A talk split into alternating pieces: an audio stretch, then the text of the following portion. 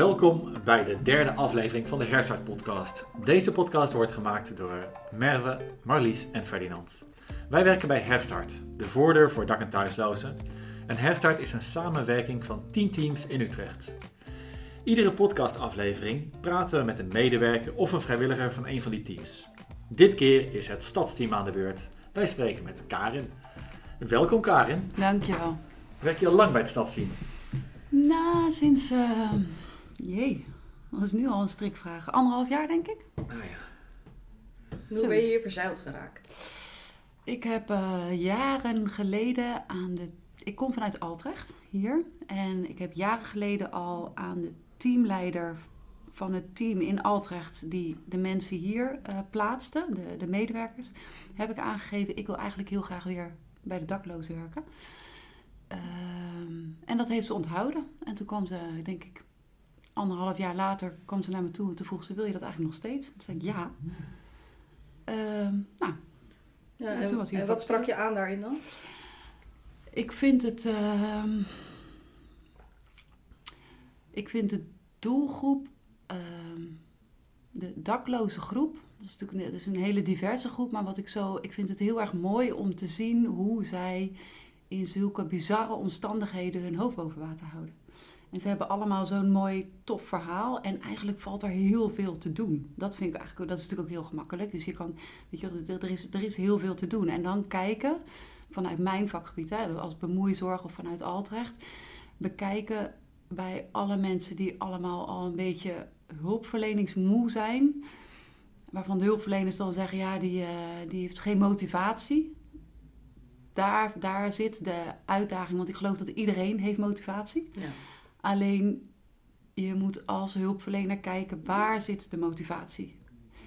Dus niet een soort mal opleggen. Oké, dit gaan, gaan wij jou geven. Nee, waar, waar wil jij iets mee? En dan langzaam maar zeker daar, daarin proberen verder te bouwen. En dan nou, kijken hoe ver je kan komen samen. Ja.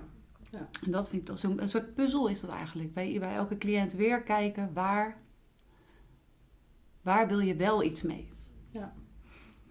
Dat vind ik tof. En hoe werkt dat? Hoe, uh, hoe, hoe, kom jij nieuwe cliënten tegen? Cliënten worden aangemeld door. Uh, nou, dat kunnen allerlei partijen zijn. Bij, bij mij komen ze heel vaak via het spreekuur van de herstart. Wij, doen, uh, wij, hebben, wij beheren de bedden boven uh, van de we worden de, de, mensen die daar geplaatst worden, die gaan wij eerst van tevoren selecteren. En dat zijn bedden boven. Ik weet niet of het daar al eerder een keertje over gegaan is. Maar uh, boven zijn een x aantal bedden. Ik weet eigenlijk niet eens precies hoeveel. 15 of zo. 15, ja. En die bedden zijn bedoeld voor de nieuwe daklozen. Nou, is dat niet heel erg scherp. Maar de bedoeling van die bedden is dat mensen 18 dagen op een bed mogen verblijven. En dat wij daar als stadsteam proberen in die 18 dagen zoveel mogelijk dingetjes op te starten. Dus bijvoorbeeld de uitkering aanvraag te doen, de verzekering, de, nou, alles wat er, wat er geregeld moet worden. Uh, proberen wij in die 18 dagen allemaal op te zetten. En daarna, na die 18 dagen, vertel ik ook altijd al bij de intake van joh, 90% daarna stroomt door naar de nachtopvang. Ja. Dat is niet leuk, maar we proberen die periode bij de nachtopvang zo kort mogelijk te houden. Om dan uh, in de periode van de nachtopvang gaat het stadsteam dan verder met iemand te kijken: oké, okay, maar waar ga je dan nu wonen en welke andere zorg heb je nodig? Heb je psychiatrische zorg nodig? Heb je somatische zorg? Hè? Dus gewoon bij een huisarts. Heb je, nou, wat heb je allemaal voor de wat langere periode nodig om je leven weer op de rit te krijgen? Ja. En betekent dat ook dat als jij iemand plaatst op een bed, dat je dan vervolgens de hele tijd betrokken blijft? Of hoe werkt dat? Dat is een goede vraag.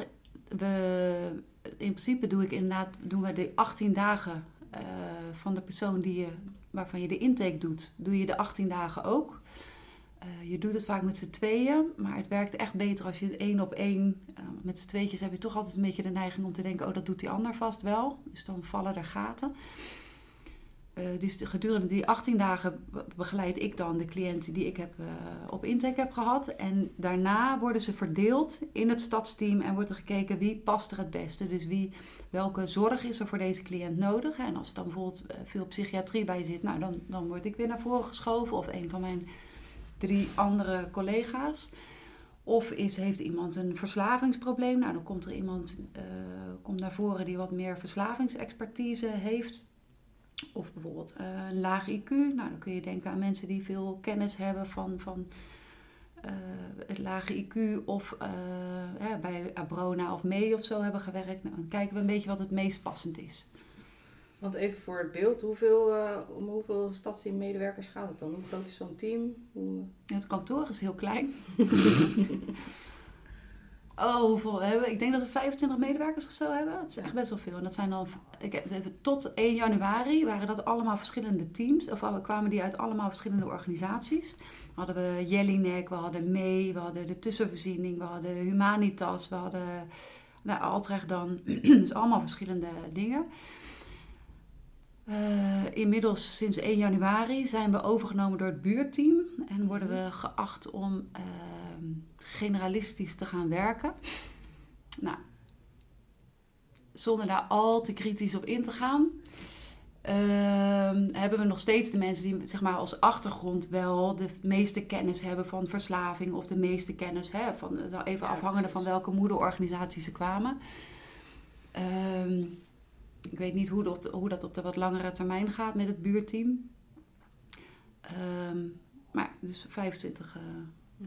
En dan helpen jullie meer dan, dan alleen dus de, de 15 mensen die hier slapen. Ja, zeker. Mensen stromen dus uit naar, naar 90% naar de nachtopvang. Ja. Ik kan me herinneren van anderhalf jaar geleden, dus het was echt een caseload van 500 mensen of zo, of totaal dan voor het hele stadsteam. Dus het is echt wel dat jullie honderden mensen ja. begeleiden. Ja, en dat is in meer of mindere mate natuurlijk. Hè. De ene die spreek je drie keer per week, de andere één keer per drie maanden. Nou, één keer per drie maanden is echt wel het minimum.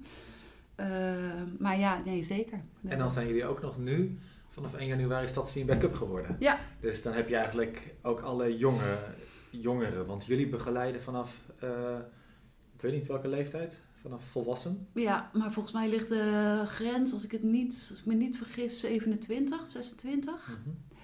En voor die tijd worden ze dan door backup uh, gezien en geholpen. Ook als de mensen bij ons op een van de spreekuren komen, dus hè, of op de herstart spreekuren, maar we hebben meerdere spreekuren die we doen. En als mensen daar binnenkomen die jonger zijn dan 27, dan verwijzen ze gelijk door naar, uh, naar backup. En dan is het ook nog zo dat wij vanaf vandaag uh, de Altrecht-lichting, zeg maar, ook um, één donderdagmiddag in de. Nee, elke donderdagmiddag bij backup zitten voor psychiatrische. Nou, kijken of we wat voor psychiatrische uh, zorg daar geboden moet worden. En om het team een beetje bij te staan in. Uh, de toch wel vaak uh, heftige klanten die zij uh, soms hebben. Of nou, heftige, heftige kids noem ik het dan maar, met heel zware psychiatrische problematiek. Uh, en Dames en heren, dat was de primeur in de podcast vanaf vandaag. Tada! Maar dat is, want dat is dan ook wel weer een mooie vernieuwing. Als je dus ja. nu samen bent met Backup, ja. ja. de Stadsie Backup, dan is daar eigenlijk uitgekomen van, hé, hey, misschien kan bij jeugd kan ook Altrecht iets, uh, iets ondersteunen. Ja. Ja, en wij zien ook wel, want die jongeren die komen hier wel vaker op het spreekuur voor de bedden. Mm -hmm. En die geven wij vaak, ja, dat vertel ik ook vaak tegen de mensen die op, op het spreekuur komen. Van hey, als wij hier jongeren krijgen, dan proberen we die niet naar de nachtopvang te sturen. Ja. Dus die hebben vaak toch wel een beetje voorrang op de herstartbedden. En dan zie je ineens wat voor een problematiek daar uh, soms meekomt.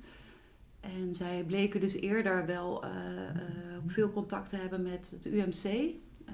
Dat team dat is opgeheven en dat is volgens mij nu al 2,5, 3 jaar geleden. En sindsdien hebben ze gewoon helemaal geen mensen met echt. Hè, natuurlijk hebben ze heel veel kennis en heel veel gevoel, maar niet de, de, misschien de kennis van bijvoorbeeld hoe werkt het bij Altrecht. Hè? Als je een verwijzing doet of als je naar de crisisdienst belt, wat voor informatie hebben zij dan nodig om goed te kunnen handelen? Nou, en voor dat soort dingen gaan wij nu een beetje inspringen. En ook gelijk kijken van ja, hoe groot is de groep daar? En zou daar misschien toch wat meer zorg moeten komen binnen backup? Ik ben daar persoonlijk een groot voorstander van. Maar misschien zouden daar ook mensen moeten komen werken die wat meer vanuit de psychiatrie komen. Om, dat, om die lijnen wat korter te maken. Mm -hmm. Zeker met de jongeren, dat is heel heftig hoor, als je ja. dat ziet. Ja, want Stadsteam is natuurlijk vrij, of jong, of de, heel veel medewerkers werken al heel lang met mensen op straat hier Ja. in Utrecht en heel veel Ja. organisaties ook. Ja, Maar pas die samenwerking, dat is ongeveer sinds vijf jaar. ja, En Klopt. Ik kan me herinneren in 2018, toen had de Rekenkamer een rapport knellende keten gemaakt, waarin ze zeiden tegen de G4 van jullie doen het eigenlijk allemaal verkeerd in de dakloze Ja. zorg.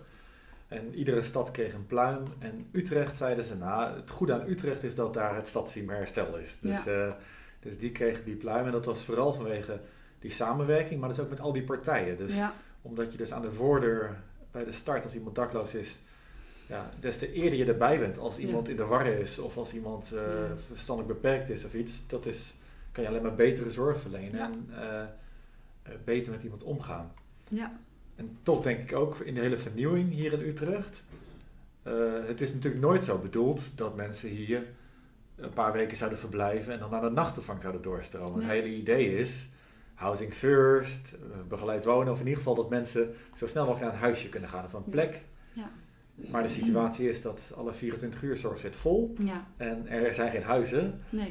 Eh, ik, van de week vroeg iemand aan mij, Ferdinand, denk jij dat het ooit goed komt? Mhm. Dus dat ooit dat plan uit gaat komen. Dat we over vijf jaar, nou, laten we zeggen 2026, iemand stroomt hierin. En jij hoeft niet 90% aan de nachtopvang uit te stromen, maar eh, nou ja, de uitzonderingen. Ja, Kan je dat voorstellen dat het over vijf jaar zo zou zijn? Nou ja, ik denk dat als je zeg maar alle lijnen in, eh, in het verleden bekijkt, dan op het moment dat het kortere wachtlijsten worden, heb je minder beddenbezetting, dus is het te duur, dus worden de afdelingen gesloten. Beetje cynisch misschien, maar dat, dat is niet de bedoeling. Maar ik denk wel, ja, dat zag je ook al met die hostels. Na een tijdje zijn er toch een aantal hostels gesloten, omdat er te weinig gebruik van gemaakt werd. Mhm. En eh, natuurlijk kost wacht- wachtlijsten kost heel veel. Ehm, zouden misschien bepaalde stukken die bijvoorbeeld hè, dus zo'n laagdrempelige opvang van het leger des heils, dat soort plekken zou, of de crisisopvang van de tussenvoorziening, die zou wat uitgebreid mogen worden. Dus dat we sneller op de- zo'n manier kunnen doorstromen. Maar ja, aan de andere kant bijvoorbeeld een springplank. Daar heb ik de afgelopen maand al binnen twee, drie weken iemand kunnen plaatsen. Dus het, het gaat ook heel erg op en, op en neer. Maar dat is echt uitzonderlijk hoor. Hm. Ik kan me bijna niet voorstellen dat het over zo lang, dat het over zo'n tijd heel erg opgelost is. Nee. De woningnood is enorm. Ja. Het is overal. Dus weet niet eigenlijk moet de woningnood worden opgelost, willen we iets met eh, de dakloze problematiek wel. Ik doen. denk het wel. Ja, en eh, nou ja, als ik dan vanuit mijn eigen kadertje kijk, hè, van de psychiatrische zorg, ik denk echt dat op het moment dat je weer. Er is natuurlijk heel veel in de, in de psychiatrie gebeurd met het schrappen van bedden. Ik denk dat we hier daar de scherven van opruimen. Mhm. Ik denk dat dat mensen die allemaal, die moesten allemaal thuis gaan wonen, allemaal in de wijk, dat is allemaal geklapt. Dat is ambulant niet bij te benen. En die moeten nu allemaal toch weer naar een eh listerachtige setting. Ja. Die zijn natuurlijk heel erg aan het uitbouwen, maar het gaat ja, niet hard genoeg eigenlijk. Denk ik. Ja. Zou wel mooi zijn. Want zeg je daarmee eigenlijk ook van sommige mensen zijn daarmee overvraagd toen ze Ja, zelfstandig gingen wel. wonen? Ja, vind ik wel echt. Ja. En de andere kant was ook, hè, toen ik bij Altrecht kwam wonen, of toen ik bij Altrecht kwam werken, dat was dus het probleem. Dat sommige mensen eigenlijk woonden bij Altrecht en dat, het eigenlijk, hè, dat we dat met z'n allen niet willen. Dat was ook soms wel, dat mensen gewoon zaten weg te kwijnen in de psychiatrie. Ja. Maar nu is wel een beetje de andere kant opgeslagen. Er zitten nu mensen die, zijn, die, is, die, is, de, die is Altrecht aan het proberen met het hoofd boven water te houden in zo'n woning in een reguliere woonwijk. En het- dat lukt gewoon niet, weet je. En hulpverleners werken van 9 tot 5. Die kunnen ook niet de hele dag daarbij gaan zitten. Dat is, dat wordt voor, voor, en dat is lang, voor sommige mensen is het heel goed geweest. Maar er is ook echt een groep die daardoor nu uit de boot valt. En die hun woning kwijtraakt. Met alle problemen van dien. Hè? Die dus de komende tien jaar niet meer regulier mogen wonen. Omdat ze wonen overlast. Of ze hadden een wietplantage boven eh, Ja. hè, door een neus geboord gekregen. Door de buurman of weet ik veel wie. Ja, je, je hebt ze gewoon minder in beeld, dus je kunt ze ook minder steunen. En er zitten zeker voordelen aan voor groepen, maar er zitten ook, we zien hier ook de, de andere kant van de medaille, ja, denk ik wel. En kunnen we daar ook iets van leren? Van, je ziet nu in de opvang eh, is natuurlijk ook de ambulantiseringsbeweging Ja. en, en ook Housing First. Ja, Eh, ook al op een andere manier eh, qua aanpak, qua Ja. begeleiding in de wijk. En ook intensiever, dus geen 9 tot 5 of, of echt eh, flinke begeleiding voor mensen die dat nodig hebben. Ja.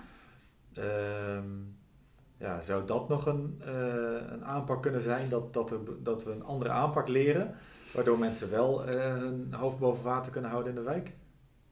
Ja, of je krijgt een soort van wat ze bij de, de Noordzeestraat en de Heikopstraat hebben. Hè? Dus dat je wel je eigen appartementje allemaal hebt. Dat is van Lister. Eh, Dan heb je wel allemaal je eigen appartement en doe je heel veel zelf. Maar er is ook altijd wel begeleiding Mhm. beneden ergens bij een kantoortje. Ehm, dus dan kun je wel altijd terugvallen op. En het heeft wel een soort van, een soort van hoe noem ik dat, veilige setting, zeg maar. Hè? De, de, de buurt weet ook van, nou, da- daar, daar wonen mensen die daar met begeleiding wonen. Ehm, dan kun je ook wat gemakkelijker de brug slaan naar de buurt. Hè? Dat je regelmatig open dagen houdt en zo. Die mensen worden ook heel vaak ingezet in de wijk. Van, joh, hè, bij, bij leuke buurtfeestjes, als dat toen dat voor corona allemaal nog kon. En ik denk dat dat ook beter werkt dan één iemand die het gewoon niet redt. En daardoor, weet ik veel, gaat schreeuwen of heel veel Ja. mensen in huis haalt. Daar hebben mensen na een tijdje geen, geen begrip meer voor. Mhm. Of dan denken ze, ja, ik snap het wel, maar jij moet wel elke keer met mijn kinderen er langs. eh, en dan krijgt iemand toch een stempeltje. En ik denk dat je meer begrip kunt creëren als je zo'n Noordzee-achtige setting kunt neerzetten. Dus, hè, dus voor de mensen is het fijner, want de, de zorg zit niet boven op hun lip, maar ze kunnen er wel gewoon heen. En voor de buurt is het makkelijk ook omdat ze weten, er zit zorg op en ik weet waar ik naartoe moet als er Ja. iets aan de hand is. Of eh, ja, is meer begrip. Mhm. Daar is ook een hele lange wachtlijst. Ja, Ja. Dat snap ik. Ja. Dat snap ik heel goed. En als we het dan over jou hebben, jou als werker in, in Stadsteam Herstart. Ehm, wat zijn nou dingen waarvan jij echt denkt, ah, dit vind ik echt zo ingewikkeld? behalve je collega's dan. ja, nee, die zijn Ja, en de verschrikkelijk. ketenpartners en zo. Oh nee, maar dat was, dat, ik zat wel echt, eh, niet de ketenpartner? Dat mag, Ja, zeker. Wat ik het ingewikkeldste vind is. ehm, kijk, ik heb allemaal. Hoe lager je zeg maar op de, op de maatschappelijke ladder terechtkomt, aan hoe meer voorwaarden je eigenlijk moet voldoen. Je wil een uitkering, maar voor de uitkering moet je wel dit, dit, dit, dit, dit doen. Een van de dingen kan bijvoorbeeld zijn, maar we willen wel dat je in geldbeheer gaat. Geldbeheer zegt, nee, tuurlijk, je komt hier, maar je moet je wel dit, dit, dit, dit, dit. Dus je moet aan zoveel eisen voldoen. En dat voor een groep die dat eigenlijk gewoon niet overziet, ook door hun situatie, Mhm. door op straat te leven. eh, nou, weet je wel, die gewoon met superveel stress eh, proberen de dag door te komen.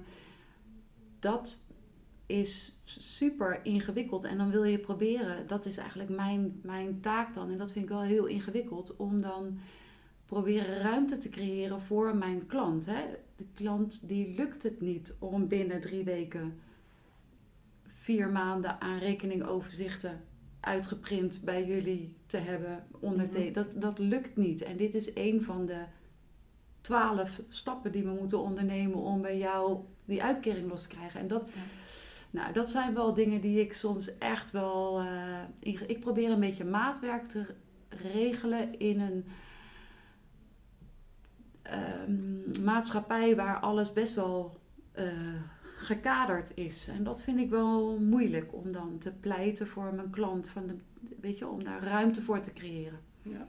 En hoe ga je daar zo mee om dan? Nou, soms af en toe schelden als ik de telefoon ophang. Ja. Ehm, en dan weer vriendelijk doorgaan. En, dan, en wel weten waarvoor je het doet. Want ik probeer ook aan, aan, aan mijn cliënten te laten zien. Weet je, ik, ik doe echt mijn best voor jou. Ja. Ik zie cliënten ook gewoon echt 9 van de 10 keer heel erg hun best doen. Soms is het even behalen. En soms lukt het ook. Ja. En dat zijn de successen. Ja. Dat is mooi. Ja. En kan dat anders? Je hebt natuurlijk, eh, er zijn tegenwoordig natuurlijk allemaal nieuwe ideeën over doorbraak overleggen en Ja. eh, eh, nou ja, kostendelersnorm die, die niet eh, Ja. verplicht is. Er zijn allemaal zijweggetjes. Kan dit ook anders? Als we nou niet die huis hebben geregeld over vijf jaar, kunnen we dit wel veranderen? Ja, nou dat zou echt mooi zijn. Alleen wat ik wel, waar ik, maar dat is misschien ook wel een beetje ik persoonlijk. Ik vind soms ook de enorme hoeveelheid aan, behalve verplichtingen, maar ook mogelijkheden. Het is, zo, het is zoveel. ehm, dat je soms ook even dingen vergeet, weet je. Dan ben je met een cliënt bezig met een heel traject en dan zegt ineens een collega van heb je maar heb je wel dit en dit gedacht? Dan denk ik, oh shit, dat is er ook nog aan, weet je. Dus het is best wel veel. En dat natuurlijk het voordeel daarvan is dat er ook er zijn mogelijkheden. En dat is het fijne. Wij zitten met elkaar, met heel veel mensen in een heel klein teamkamertje. Het voordeel ervan is dat je heel vaak andermans gesprekken hoort of opvangt.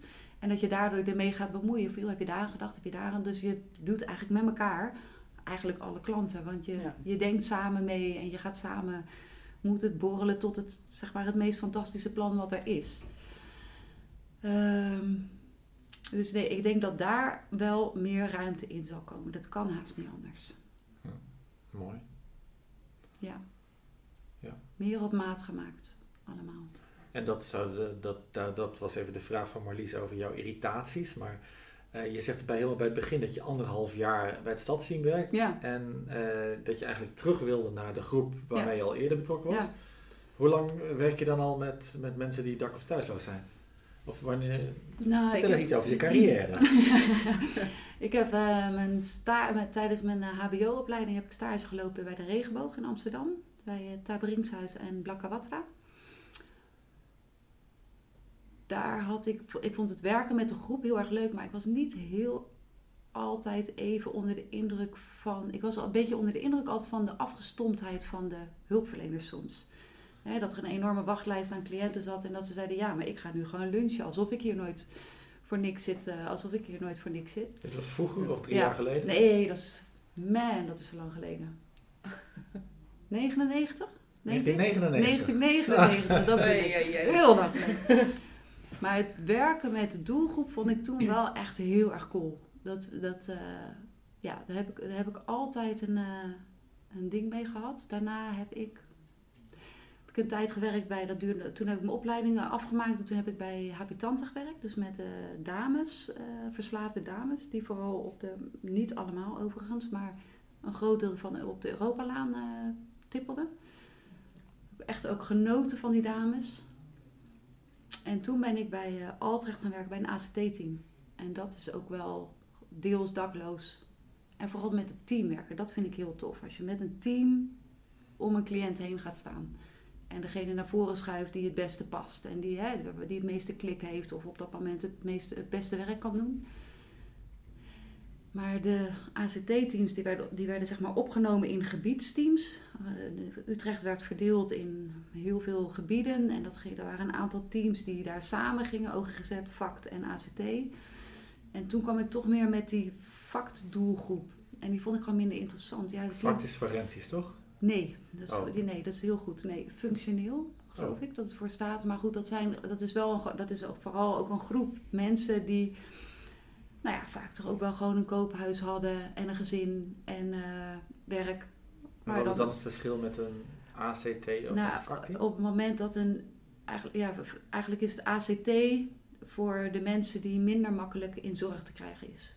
Um, en dat kan omdat hun ziektebeeld heftiger is, maar ook omdat hun, hun, hun, uh, hun situatie, ja, dus dakloos, of ze wonen in hostels, of ze wonen, hè, dus het alles is een beetje.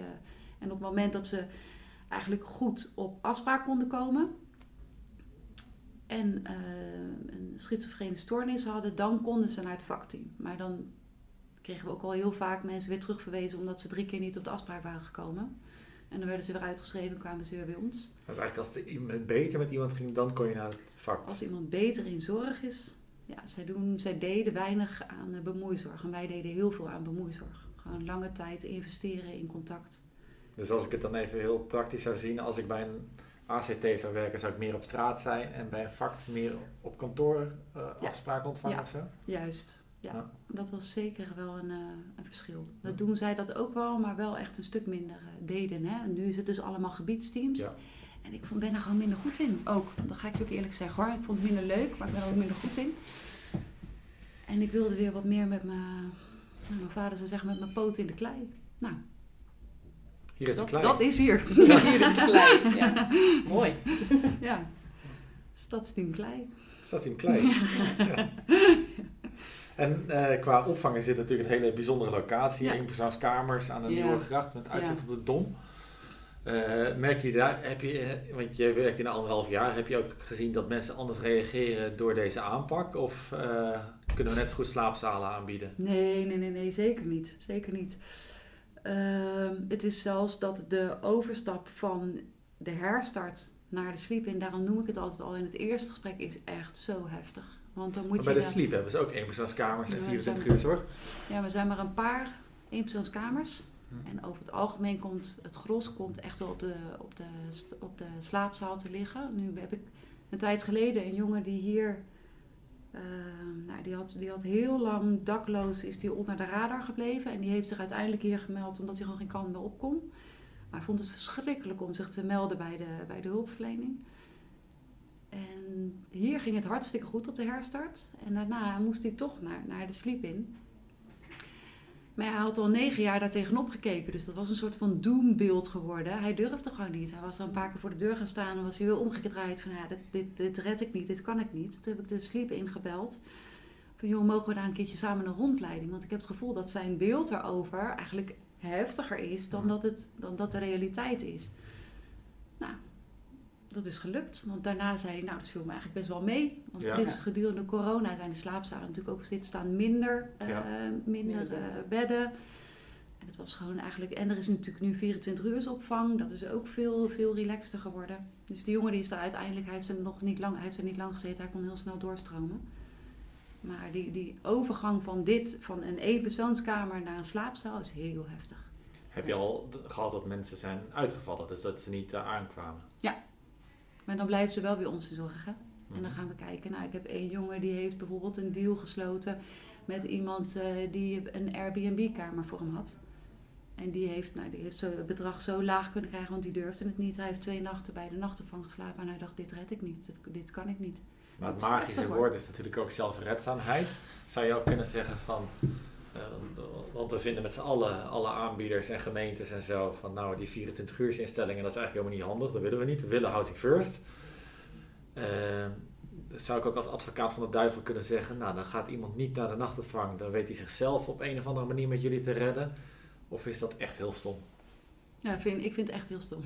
Nee, omdat je, je hebt twee kanten. Weet je wel, je hebt een groep die, die, het, die het Natuurlijk, zo'n Housing First is echt een fantastisch, voor ook een hele grote groep hoor, die zij heel goed kunnen bedienen. Maar ik denk ook echt dat er mensen zijn die gewoon meer, uh, meer nodig hebben. Um, en die meer die holding nodig hebben en um, die het prettig vinden, die, die, die, die komen van ver. Of die, weet je wel, dit, dit, dit, de, de, de groep daklozen, het, kun je, je kunt het bijna geen groep noemen, want hij is zo divers en zo groot. Uh, dat je ook de, het aanbod aan, aan uh, hulpverlening en, en uh, opvang moet ook die diversiteit kunnen opvangen. Hm. Dus je hebt het allemaal nodig. En je kunt niet zeggen, we, we gaan het met z'n allen daarop gooien, want dan laat je weer een andere groep zinken. Ja. ja. ja. Denk ik. Mooi. Uitdagend. Over uitdagend gesproken, dan heb je nog een mooie brug. Oh, want, mooi. je hebt net uit het doeken gedaan dat je nog niet de eerste en de tweede aflevering heb geluisterd van de podcast. Nee. En wij sluiten altijd af met drie hele uitdagende vragen. Persoonlijke vragen. Zeker. Oh dear. Mhm, mhm. Ja, ja, sorry. Had ik even moeten zeggen. ja. ja. Vannacht kan jij niet in je eigen huis slapen. Ja. Je kan niet bij vrienden of familie slapen. En je hebt geen geld. Mhm. Waar ga je naartoe? Ja, dat is door dit werk ga kijk je, tenminste ik. Ik kijk regelmatig om me heen en dan denk ik, ik zou hier gaan liggen als ik dakloos zou zijn, of ik zou hier gaan liggen. Verklap je eh, plekje. Hm? Verklap je plekje. Ja, ik zou, uh, ik denk dat ik de stad zou uitgaan. En uh, bijvoorbeeld in een partiekje of in iets in die trant. Maar ik zou in ieder geval de stad uitgaan. Het lijkt me te eng en te gevaarlijk om in de stad te moeten slapen. En dan zou ik kijken naar uh, overkappingjes of iets in die trant. En ik heb ook wel eens van mensen gehoord die zeiden van... joh, ik lig ergens achter, uh, achter een schuurtje en daar, daar ligt normaal hout opgeslagen... maar ik mag daaronder slapen. En dat bespreek ik dan met die bewoner. Dat als ik zorg dat altijd alles netjes is, dan mag ik daar blijven, dan word ik daar gedoogd. Ik denk dat ik dat zou gaan proberen. Puppy-ogen. Puppy-ogen. ja. ja. En dan gaan we weer naar een hele vrolijke fase in je leven. We hebben karaoke. Jij krijgt een microfoon en je mag een liedje uitkiezen. Welk liedje wordt het? Je hoeft er niet te zingen. Dank je. Welk liedje wordt het? Ja, mijn, Jeetje. mijn ervaring leert wel dat je toch wel van de liedjes bent. Ik ben de hele dag aan het Ja. zingen, inderdaad. Dus dit zou niet de allermoeilijkste vraag moeten Dan zijn. maar een eigen huis, een plek onder de zon. Ik heb Oh, al net naar mooi. iemand Ah. geappt. Ja. Die hadden we nog niet Ja, nee. Hoe kan dat nou? Nou, en dan eh, helemaal als laatste Ja. vraag aan het einde van de podcast slaan we helemaal door in de vreugde. Jij krijgt 5 miljoen euro. Bam. Eh, er ligt straks een koffertje voor je en er zit 5 miljoen in. Maar eh, de voorwaarde is dat je binnen één week moet uitgeven. Wat ga je doen? Ik geef het allemaal weg. Aan mij? Nee. Sorry. Wel een beetje. Eh, ik geef het allemaal weg. Ik heb het oprecht niet nodig. Ehm, dus ik zou een deel bij herstart storten, want daar hebben ze altijd wel behoefte aan. Geld voor kopjes koffie voor een cliënt, geld voor een cadeautje als iemand een huis krijgt, dat soort dingen. Ik zou het, ehm weet ik veel, echt, dan hebben we het echt over amnesty en dat soort dingen. Leuk. Ik hoef het niet te hebben. Karen, mag wij jou van harte danken. Heb je nog een boodschap voor de kijkertjes thuis? Oh nee, de luisteraars eh, in de auto. Ja, ehm, heb een beetje compassie met de mensen. Ze, ze zitten er niet voor niks op straat. En er zit altijd een verhaal achter. Ze zijn niet stom, niet gemeen, niet dom. Het zijn gewoon mensen die buiten het systeem zijn gevallen. En waar het echt indrukwekkend is om mensen hun hoofd boven water te houden. Heb een beetje compassie met ze. Dankjewel. Merci.